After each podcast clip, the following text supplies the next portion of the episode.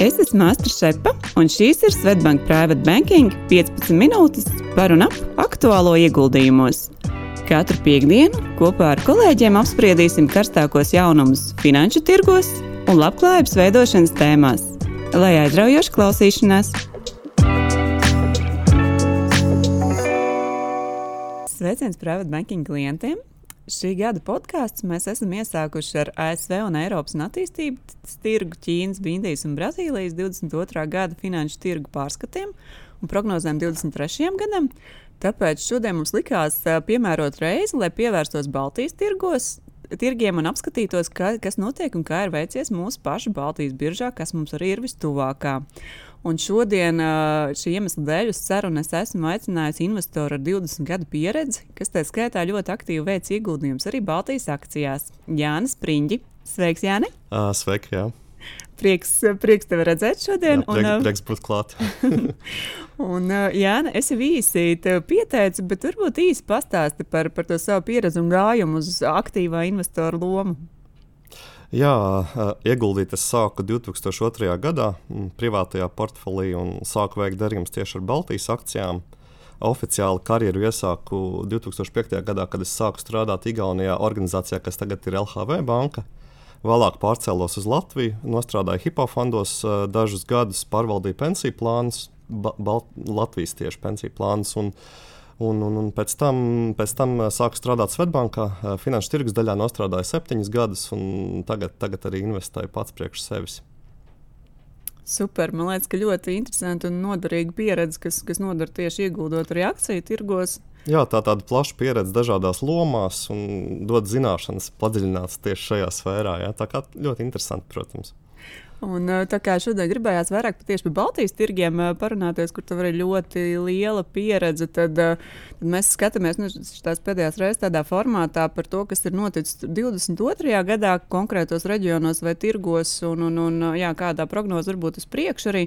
Un tad, nu, tā, ja paskatās uz teiksim, tādu nu, galveno finanšu tirgu, kas ir ASV vai, vai visiem, vispār visu pasaules to uh, indeksu, to MSCI All Country rādītāju, par ko arī stāstīja 36. epizodē, tad nu, abi šie indeksi ir krituši tur ap 20%. Tad, ja apstāsta uz Baltijas datiem, tā situācija izskatās labāka, kas ir interesanti, par ko šodien arī parunāsim. Bet, jā, varbūt pastāst, kas, kas īsti ir noticis Baltijas indeksos. Jā, 2022. gadā Baltijas indeks, OMX Baltic Benchmark indeks un arī OMX OMX Baltic 10 indeks, kur ir desmit lielas Baltijas akcijas iekšā ietvertas. Uh, abi indeksi 22. gadā nokrita aptuveni par 11,75%. Tas kritums ir mazāks nekā Amerikā, kur piemēram SP 500 indeks nokrita par aptuveni 19% 22. gada laikā.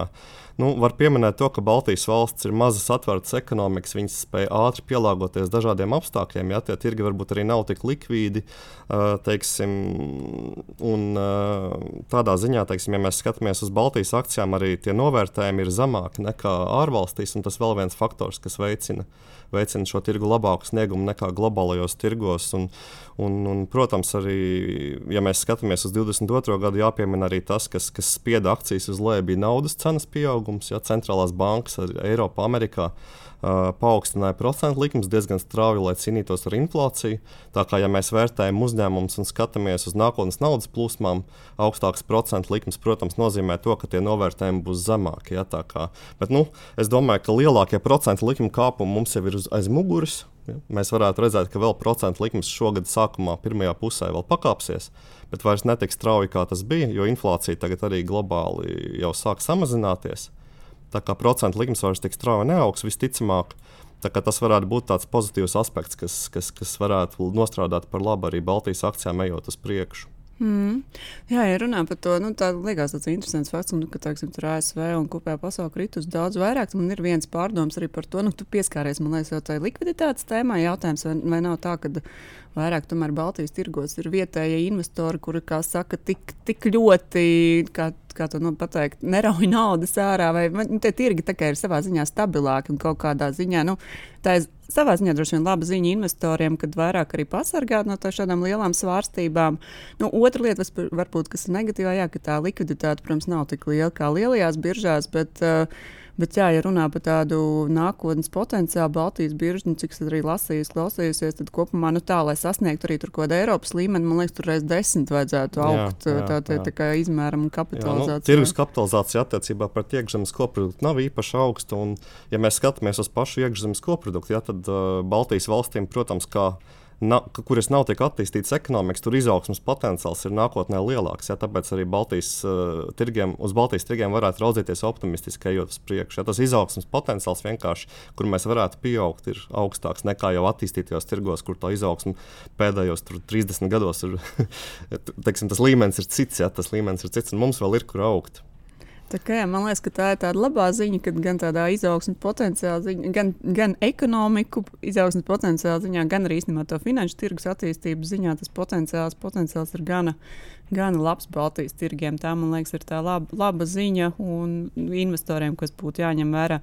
Un es arī atceros no seniem laikiem, kad uh, Nu, kad īstenībā tā situācija liekas, ļoti, ļoti uzlabojās. Ja tur gadus, man liekas, negribu konkrēti ciparu nosaukt, bet 15 aptuveni apakaļ. Tur nu, IPO, ja notika Baltijas biržā, tas bija nu, pāris gadu lielākais notikums. Tagad, tomēr pēdējo gadu laikā tā aktivitāte ir bijusi gan laba, un cik es saprotu, ka viņi noteikti arī droši vien pieaugs nākotnē. Jā, nu, dažādi faktori. Tu ietekmē arī tas, piemēram, ka Svetbanka piedāvā akciju tirdzniecību bez maksas vai ne Baltijas biržās. Tas ļoti atbalsta vietējo tirgu. Un, ja mēs skatāmies uz IPO, tad 21. gads bija ļoti labs gads jā, daudz, daudz jaunu uzņēmumu ienāca biržā. Uh, Igaunijā Hepsor, piemēram, Enefit Green ienāca biržā ar 60 tūkstošiem investoru Igaunijā, kas piedalījās no Baltijas valstīm IPO ja, kopā.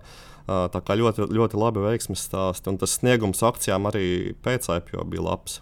Mm. Tā kā par, par to liels prieks.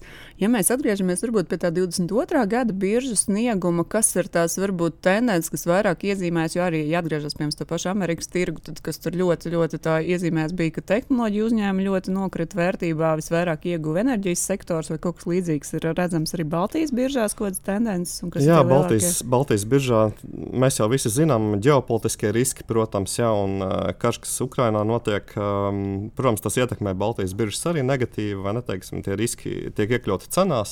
Attiecīgi, tie novērtējumi uzņēmumiem kļūst zemāki nekā tie būtu, ja būtu, nebūtu to risku, protams. Ja, tā tā situācija ir kāda ir. Jā, 2022. gadā labākais sniegums, Baltī, viens no labākajiem sniegumiem Baltijas biržās bija Linas Agro grupa, un Linas Agro grupa akciju cena 22. gada laikā pieauga par 41,35%. Ja, tā kā labs sniegums. Protams, jautājums par likviditāti, cik viegli pirkt pārdot akcijas, bet nu, tas sniegums labs. Un, ja mēs skatāmies uz citiem uzņēmumiem, tad arī, piemēram, kas, kas nodrošināja labākos sniegumus, tad uh, vēl tādi uzņēmumi jāpiemina, kā Saftehnika, piemēram, pakāpās par 4,98%. Uh, Aranet līnija, gaisa sensori ļoti veiksmīgi aizgāja tieši Covid laikā. Uh, vēl, vēl uzņēmums Enefit Green, piemēram, no tiem populārākajiem, pieauga par 8,26%, jo enerģijas cenas bija augstākas. Ja, kā, tie novērtējumi šiem uzņēmumiem ir diezgan pievilcīgi arī šobrīd. Ja mēs skatāmies uz Enefit Green, tad uh, cenas attiecība pret peļņu Enefit Green ir aptuveni 22. gadā, ja mēs skatāmies uz to sagaidāmo 22. gada peļņu, tad tā cenas attiecība pret peļņu šobrīd varētu būt ap 11,6%. Mm. Tas ir diezgan pievilcīgs novērtējums, novērtējums ja salīdzinām piemēram ar citiem Eiropas uzņēmumiem, kas strādā šajā nozarē. Ja, piemēram, Portugāles atjaunojamās enerģijas uzņēmums EDP. Novērtējums ir gandrīz divreiz augstāks nekā, piemēram, Benefit Green novērtējums biržā. Ja, tā kā tie novērtējumi ir Baltijas biržās diezgan pievilcīgi. Un tādā ziņā raugoties uz priekšu, protams, man gribētos būt vairāk slikties tajā optimismu virzienā. Uh, jo, protams, tie negatīvie riski ir iecenoti cenās, jau varbūtības ir iecenotas. Un, ja mēs raugamies uz priekšu, tad arī, piemēram, tagad, 2023. gadā, Baltijas biržas ir veiksmīgi iesākušas gadu. Eh, galvenie Baltijas indeksi ir pieauguši gandrīz par 6% kopš 30. decembra ja, pēdējās iepriekšējā gada sesijas. Tā kā nu, gribētos arī skatīties uz priekšu ar optimistisku skatu. Ja mēs skatāmies uz uzņēmumiem, tad, protams, vēl nu, varam skatīties uz, piemēram, uz celtniecības uzņēmumu Merko Ehitis ilgtermiņā dzīvojamais fonds Baltijas valstīs ir novecojošs. Ja, tā kā tur uzņēmumam nākotnē varētu būt potenciāls attīstīties, Merko Ekrītis arī kvalitatīvi pārvaldīts uzņēmums. Tā kā varētu arī būt interesants investoriem. Jā, manuprāt, tieši Latvijas tirgus arī nu, tas nekustamā īpašuma potenciāls var būt. Es domāju, tas piekrīt, ka tas potenciāls visā Baltijā, bet īpaši droši vien Latvijas tirgu arī tas dzīvojamais fonds, ja salīdzina varbūt ar Lietuvu, Igauniju, ir, ir ar vēl, vēl lielāku izaugsmas potenciālu. Ja mēs pieskaramies varbūt uzņēmumiem, ko, ko tu jau minēji, Enefit Green, varbūt citi spēlētāji no šī paša energi, enerģētikas sektora, kā Ignitis, Viršies, nezinu, vai var pieskaitīt vai ne, bet nosacīt ir saist, saistīts, kā tiem ir veicies. Jā, nu varam skatīties arī uz Ignitis. Uh, akcijām Ignitis, protams, tas ir vairāk dividendžu stāsts. Viņi gadā izmaksā aptuveni 1,2 eiro dividendēs uz vienu akciju. Akcijas cena šobrīd ir 19 eiro, tā kā tas dividendžu ienesīgums ir diezgan pievilcīgs. Uh, Uh, novērtējums arī uzņēmumam ir uh, pievilcīgs, un tā cena nav īpaši augsta. Ja, tā kā Svetbanka analītiķiem arī ir pirkšanas rekomendācija, ja mēs skatāmies uz Ignitis grupu. Un, un uh, pašam Enefitam, jā, protams, Enefits jautājums ilgtermiņā, protams, par kādām cenām viņi pārdos savu enerģiju. Pēdējā laikā enerģijas cenas ir bijušas augstas. Bet uh, Enefit Green arī ir plāns līdz 2028. gadam palielināt ražošanas kapacitāti četras reizes. Mm. Tā kā tas uh, ražošanas kapacitātes pieaugums, kas pārsvarā m, tiks balstīts uz aizņemto līdzekļu apjomu, ja, tā kā, tā kā tur varētu būt arī labs potenciāls, ja enerģijas cenas saglabāsies augstas. Nu, skatīsimies, kā tā situācija attīstīsies. Jā, par Anafits lasīju, ka viņi plāno kopumā ieguldīt kaut kur pusotru miljārdu, un, un, un tikko arī svaigu aizņēmumu 325 miljonu eiro apmērā piesaistīs. Tā skaitā no Ziemeļa investīcijiem. Ja mēs skatāmies uz ziņām, tad viņi pēdējā laikā laika plēkam paziņo, ka tiks būvēts jauns vēja parks. Jā. Vakar arī parādījās ziņa, ka piegādās Nordex, laikam, ja es pareizi atceros, piegādās jaunajam vēja parkam tūci ģenerators, ja tā kā vēja ģenerators. Tā kā, nu, interesanti, protams. Jā. Mm. Ja mēs pieskaramies vairāk Latvijas akcijām, tas pats mans pieminētais virši, nu, kas nav, protams, enerģētikas uzņēmums, bet, jā. bet nu, nosacīts, saistīts. saistīts nu, ņemot, vērā, ņemot vērā enerģijas cenu pieaugumu, degvielas cenu pieaugumu, viršiem apgrozījums arī ir pieaudzis. Uh, bet uzņēmuma uzņēmuma akcijas cena biržā pēdējā laikā vairāk iet sāniski. Nav tāds liels pieaugums. Es domāju, tas ir izskaidrojams ar to, ka uh, Latvijas tirgu virs strādā tikai Latvijas tirgu. Protams, tas izaugsmas potenciāls ir ierobežots. Un investoriem, kas skatās uz, uz akcijām, viņi vienmēr grib redzēt, kur, kur ir tas labākais pieaugums. Neteiksim, uh, jo nodrošināt peļņas un zaudējumu aprēķināt to augstākās līnijas pieaugumu, ja, ražojot produktus, kas ir vai piedāvājot pakalpojumus, kas klientiem ir vajadzīgi. Tas, tas, nav, tas ir visgrūtākais darbs, kas uzņēmumam ir izdarāms. Neteiksim, ar finanšu inženieriju pēc tam var griezt izmaksas ne, un optimizēt darbību, bet tas primārais, kas uzņēmumam ir jādara, ir jānodrošina tas augstākās līnijas pieaugums. Ņemot vērā to, ka tas Latvijas tirgus ir ierobežots, nav tās lielās izaugsmas, tad eh, tāpēc, es domāju, tas ir galvenais iemesls, kāpēc virsmu akcijas cena tirgojās, tirgo, tiek tirgot eh, tādā sāniskā diapazonā, ja teiksim, cenu biržā. Ir gan viņiem arī mēģinājumi, man liekas, iet tajā gāzes distribūcijas biznesā, skultas terminālā. Kā... Viņi ir ieguldījuši arī skultas terminālā, tā kā tur potenciāli varētu būt pienesums vērtībai nākotnē. Jā. Mm. Ja runā vēl par to, jau pieminēja Līnas agro pārtika, manuprāt, arī ir nozara, kas, kas gan, gan visā pasaulē, gan arī Baltijas tirgos ir ieguvusi jā, jā, 22. Jā. gadā. Ņemot vērā to, ka pārtikas cenas ir pieaugušas uzņēmumi, kas ražo pārtikas produktus, nu, kaut vai Lietuvas vilkišķi pie Nīnā, arī akcijas cena 22. gadā pieauga vairāk kā par 30%. Jā. Tā kā pārtikas nozara Rokišķis sūris arī pakāpās siera ražotājs Lietuvā. Ja mēs skatāmies arī, piemēram, arī tie paši apģērbu pārdošanas uzņēmuma apranga, piemēram, arī rezultāti ir uzlabojušies pēdējo pāris gadu laikā pēc Covid. Mm. ekonomikas atvēršanas. Ja bankas arī izskatās pievilcīgas, uh, jo ekonomikai Baltijas valstīs vēl ir kur finansializēties. Ja, tā kā investori var skatīties arī uz banku akcijām, mm. kur arī ir potenciāls. Jā, mm. Nu, pārtikai tas tavā vērtējumā pamatā ir pārtikas cenu pieauguma rezultātā, vai ne? Es domāju, ka jā, jo uzņēmumiem tad vienkārši ir spēja palielināt rezultātus, palielināt peļņu arī, vai ne? Teiksim, tas pārtikas cenas pieaug, jo mēs jau visi redzam, ka veikalos siers ir kļuvis dārgāks un tā jā. tālāk. Tā kā, Tā kā, bet, nu, ja, ja mēs skatāmies uz uzņēmumiem, kas ja, ja no strateģiskā skatu punkta skatāmies uz, uz uzņēmumiem, kas nepie, nepiedāvā tādus ļoti diferencētus produktus, kas viņiem sniedz konkurences priekšrocības, protams, ieguldot šādos uzņēmumos, ir risks, vai ne, kad, ja izēvielu cenas vai pārtikas cenas samazinās, viņiem var grūtāk arī būt pelnīt tik daudz, cik viņi ir pelnījuši, kad tie apstākļi ir bijuši labāki. Ja. Mm, mm. Okay. Tad mēs tagad runājam par ieguvējiem. 22. gada, kas var būt tādi no lielākajiem, nezinu, nosaukt zaudētājiem vai akciju kritumiem Baltijas biržās? Jā, no tiem populārākajiem uzņēmumiem, ja mēs skatāmies, tad eh, viens no lielākajiem kritumiem bija Silvano Fashion Group. Uh, uzņēmums strādā arī Krievijā, Baltkrievijā. Ja, tur kritums uh, aptuveni 43% apmērā 2022. gadā.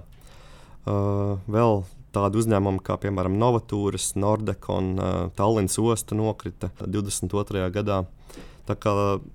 Mēs redzējām tos sektorus, kur bija tie pieaugumi, ne, bet, protams, ir, lielākā daļa bija ar kritumiem 22. gadā, jo indeksi mm. gāja uz leju, vienkārši viss tirgus gāja uz leju. Visi uzņēmumi, kuriem tas bizness ir saistīts ar ekonomikas izaugsmu, ja, viņ, viņš tika pavilkts uz leju. Mm. Nu jā, kā mēs runājam, nu tā, tā cerība droši vien ir. Cerība mirst pēdējā, un es domāju, ka tas cerams arī tā piepildīsies, ka tad, nu, tas kritums ir bijis pagājušajā gadā, bet, uh, bet nu, tā situācija šobrīd man liekas, tāda, ka, nu, kā tu minēji, jau gada sākumā ir kāpums arī Baltijas biržās. Un, un, un, ka visticamāk, kā būs akciju kāpums, tas ir viens tādā īsā termiņā, bet nu, kopumā, kā mēs runājam, manuprāt, Baltijas biržās potenciāls ir gana, gana liels. Gan tāpēc, ka ir, kā saka, kaut vai tāpēc, ka jānoķer ir attīstīto valstu kapitalizācijas un, un to IPO apmēru. Tā, nu, jā, ja mēs eh, vēl es gribēju pieminēt vienu lietu, jo Baltijas valsts eh, šie tirgi tiek uzskatīti par emerging markets tirgiem, jaunatīstības valstu tirgiem. Mm. Un, eh, kopš pagājušā gada oktobra jaunatīstības valstu tirgi ir diezgan skaisti pieauguši. Ja, teiksim, ņemot vērā to, ka Amerikas dolārs ir pavainojies pēdējā laikā, tirgus iespējams sagaida, ka nākotnē būs vairāk likviditātes sistēmā. Ja, jaunatīstības tirgiem arī bieži vien iet labi, tad, kad dolārs pavainās, ja, tā, kad nauda plūst mm. viņu virzienā. Un, ja mēs skatāmies uz Baltijas valstīm, tad, jā, ja, ja, ja, ja, ja vairāk naudas plūdīs jaunatīstības, val, jaunatīstības valstu virzienā, tad arī Baltijas valstis varētu kaut kādā mērā no tā iegūt. Jā, uz to noteikti cerēsim. Es domāju, ka tas ir ļoti, ļoti pamatot arī. Bet, eh, man liekas, ka jā, ļoti interesanti parunājamies par Baltijas uh, tirgiem. Man liekas, ka tāds ļoti, ļoti interesants jautājums, varbūt ņemot vērā to padziļināto pieredzi, kas varētu noderēt arī citiem, citiem investoriem, ir uh, varbūt pastāstīt, kas ir tas, uz ko tu skaties, uh, izvēloties akcijas, kurās ieguldīt. Varbūt tev ir kaut kāda stratēģija, ko tu piemēro. Nu, kas, kas ir tās aktivitātes, ko tu veic, un kas ir galvenais, ko tu izvērtē? Tā ir vadība. Finanšu pārskati vai kas cits? Nu, kopumā eh, es skatos uz daudzām lietām, lai palielinātu to varbūtību, ka ieguldīšu situācijā, kur ir labs potenciāls nopelnīt. Ja? Bet, nu, skatoties uzņēmumam, tā vērtība galvenokārt radās, kāpēc uzņēmumi eksistē, ir lai pelnītu vai ne lai pelnītu. Uzņēmumiem jau mērķis nav tikai ražot produktus, bet tā, tā galvenā doma ir iegūt kaut kādu labumu no tā. Un, ja mēs skatāmies uz peļņu, tad uh, vienmēr varam uzdot jautājumu, piemēram, cik daudz uzņēmums nopelnīs, cik ilgi tas uzņēmums pelnīs, ar kādu noteiktības pakāpi tas uzņēmums pelnīs. Ja?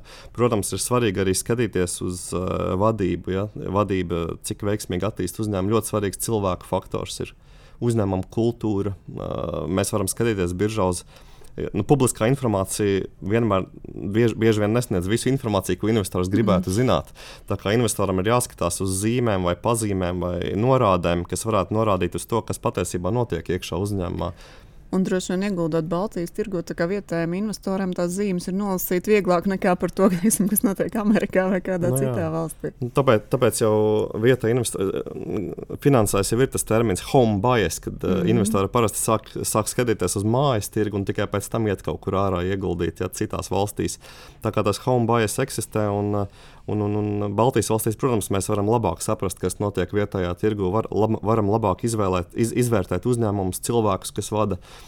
kā viņi attīsta uzņēmumu, kādas jaunas produktus ievieš, kā piemēram Saftehnika ievies Aranet produktu mm līnijā. Tā kā varam skatīties, eh, kā uzņēmums pierāda ar savu darbību laika gaitā, cik veiksmīgi iet un tā tālāk. Jā. Bet, nu, protams, skatoties arī uz finanšu datiem, mm. vienmēr bilances varam izvērtēt, skatīties, cik daudz ir aizņemto līdzekļu apjoms, kādi ir riski saistīti ar to vai ne, un uh, kā tiek pārvaldīti bilances rādītāji, arī cik daudz ir uzkrājumu produktu ražošanas inventārijas, angļuiski ieteiksim, uzkrājumu. Uh, varam skatīties uz daudzām lietām. Jā, jā krājumi. krājumi. Bet, uh, Jā, jo nu, cik es esmu zinu, man liekas, ka tu patiesībā ļoti, ļoti padziļināti veic arī to finanšu analīzi un arī kaut kādas savas aprēķinas un, kā saka, jā, pārēķina un tā tālāk. Tas nu, gan laikietilpīgs process. Jā, nu man patīk Excelīti arī pamodelēt, paskatīties, kādas uzņēmumam varētu būt naudas plūsmas nākotnē, kāda vērtība uzņēmumam, skatoties tam naudas plūsmām. Interesanti vēl ir iespējams skatīties pretējā virzienā. Varam skatīties uz uzņēmumu, uzņēmumu akciju vērtību un domāt, kādas būs naudas plūsmas, lai, lai, lai šī vērtība tagad ir kāda, kāda viņi ir. Un, ja mēs skatāmies piemēram uz tām naudas plūsmām, un, kas nodrošina to šodienas vērtību, mēs varam domāt, vai tās naudas plūsmas ir realistiskas vai nē. Ja mēs, piemēram, atrodam uzņēmumu, kuram naudas plūsmas eh, šobrīd parāda, ka uzņēmums varbūt ir nenovērtēts un tās naudas plūsmas nākotnē būs lielākas, eh, mēs varam ieguldīt tādā uzņēmumā. Vienkārši skatīties pretējā virzienā, ne jau no naudas plūsmām rēķināt uzņēmumu vērtību, ja, bet skatīties atpakaļ no uzņēmuma vērtības, mm -hmm. skatīties, kādām būtu jābūt naudas plūsmām lai tā vērtība būtu tāda, kāda viņa ir šodien, un tad domāt, vai tās naudas plūsmas ir realistiskas vai nē. Nu, lai saprastu, vai tā saka, vērtība ir adekvāta. Jautājums, jā, cik no investoriem, kas ieguldīja varbūt ASV tehnoloģiju uzņēmumos, jau pīķī bija veikuši šo analīzi. Jā, tas, tas jā. ļoti interesants. Jā, nu, nu, tā tā pieeja, man liekas, jā, vairāk ir nu, tāda tiešām tu mēģini saprast to pamatot. Es savā ziņā sauktu tas vairāk, man liekas, tas pat tas value virziens, kur tu mēģini saprast to, vai tur ir reāla vērtība apakšā vai nē, nu nevis tā kā uz spekulāciju tīri iziet jā, nu. cerību, ka kāds viņu nopirks. Nu, protams, dārgāk. ieguldīšanā, jā, ieguldīšanā ļoti svarīgi ir skatīties arī uz uh, ieguldītāju noskaņojumu tirgu. Ja, ja mēs skatāmies uz Amerikas tirgu, piemēram, redzējām 21. gadā, otrajā pusē, īpaši, kad bija tas pīķis cenās. Uh, daudziem uzņēmumiem ar labām perspektīvām tas novērtējums bija ļoti neadekvāts. Ja teiksim, price to sales uh, uzņēmuma cenas attiecība pret pārdošanas apjomiem bija ļoti augstas. Jā, teiksim, varējām redzēt tādu skaļus kā pat 20 reizes. Mm. Ļoti augstu novērtējumu, un tad, kad procentu likmes sāk iet uz augšu, protams, šo uzņēmumu vērtība ļoti strauji samazinājās. Tā kā ļoti svarīgi arī skatīties uz tiem noskaņojumu rādītājiem. To mēs varam redzēt mēdījos, lasot ziņas. Uh, lasot, eh, kā tirgus dalībnieki komentē tirgu, eh, ko viņi domā. Ja, teiksim, tas noskaņojums, viņš, tas noskaņojums laika gaitā ļoti mainīgs. Ir, tā at... arī mēdī ietekmē man mēdī ietekmē arī, jā, jā.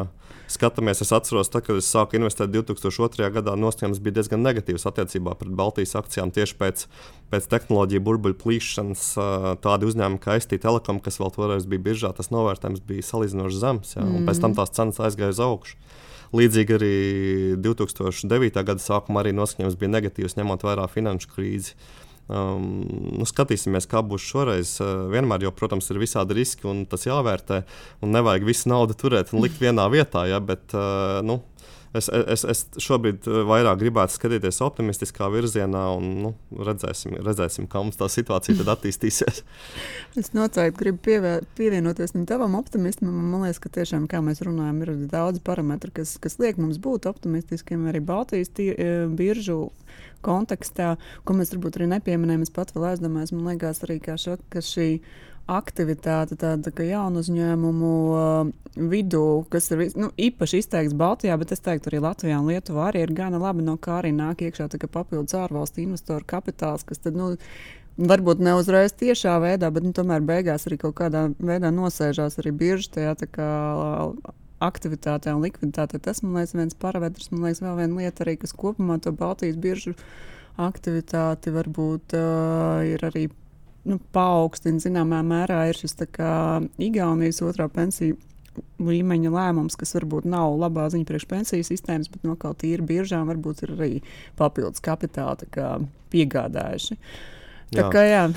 nu, varam, nu, varam redzēt arī pēc Enefit Green veiksmes stāsta. Arī 60,000 investori piedalījās sākotnējā publiskā piedāvājumā. Ļoti, ļoti populārs, ļoti populārs sākotnējais publiskais piedāvājums. Tas ļoti priecē, jo, protams, mēs visi gribam redzēt, lai vietējais tirgus attīstās un iet uz augšu. Un, Un, un, un um, cerams arī, ka um, tad, kad vēlāk nu, cikls pamainīsies un cenas, cenas uh, atkal kāps, tad, uh, tad arī jauni uzņēmumi varētu parādīties biržā. Mm. Tā kā, Tā kā, jā, tā kā uz to arī cerēsim, kad, kad mūsu optimisms piepildīsies. Tā kā, jā, noslēgumā gribu pateikt ļoti liels paldies Jānim par, par dalību šodien. Manuprāt, bija ļoti interesanti. Jā, paldies, paldies ka uzaicinājāt. interesanti parunāties. Paldies, ka padalījies ar savu pieredzi un redzējumu. Un tad, tad jā, sasumējot, jāsaka, ka gan, gan, lai gan šobrīd tā Baltijas bieža izmēra un aktivitātes ziņā atpaliek no attīstītākiem tirgiem, tomēr, kā, kā jūs sadzirdējat, mūsuprāt, ir gan liels potenciāls un arī pēdējos gados tā aktivitāte ir kļuvusi lielāka. Tā kā, tā kā iesakām, iesakām izvērtēt ieguldījumus arī Baltijas biržā, biržu uzņēmumos. Ja ir kādi jautājumi par šo tēmu, droši varat vērsties arī pie saviem privātajiem banķieriem. Un paldies, Jāni, vēlreiz. Jā, paldies. Un, paldies mūsu klientiem un lai jums jauka diena un uz tikšanos nākamajā piekdienā. Audio saturā dzirdētā informācija nav uzskatāms par ieguldījumu konsultāciju vai ieteikumu slēgt finanšu tirgus darījumus vai ieguldīt finanšu instrumentos. Paldies, ka klausījāties! Lai izdevusies diena un uz tikšanos nākamajā sarunā!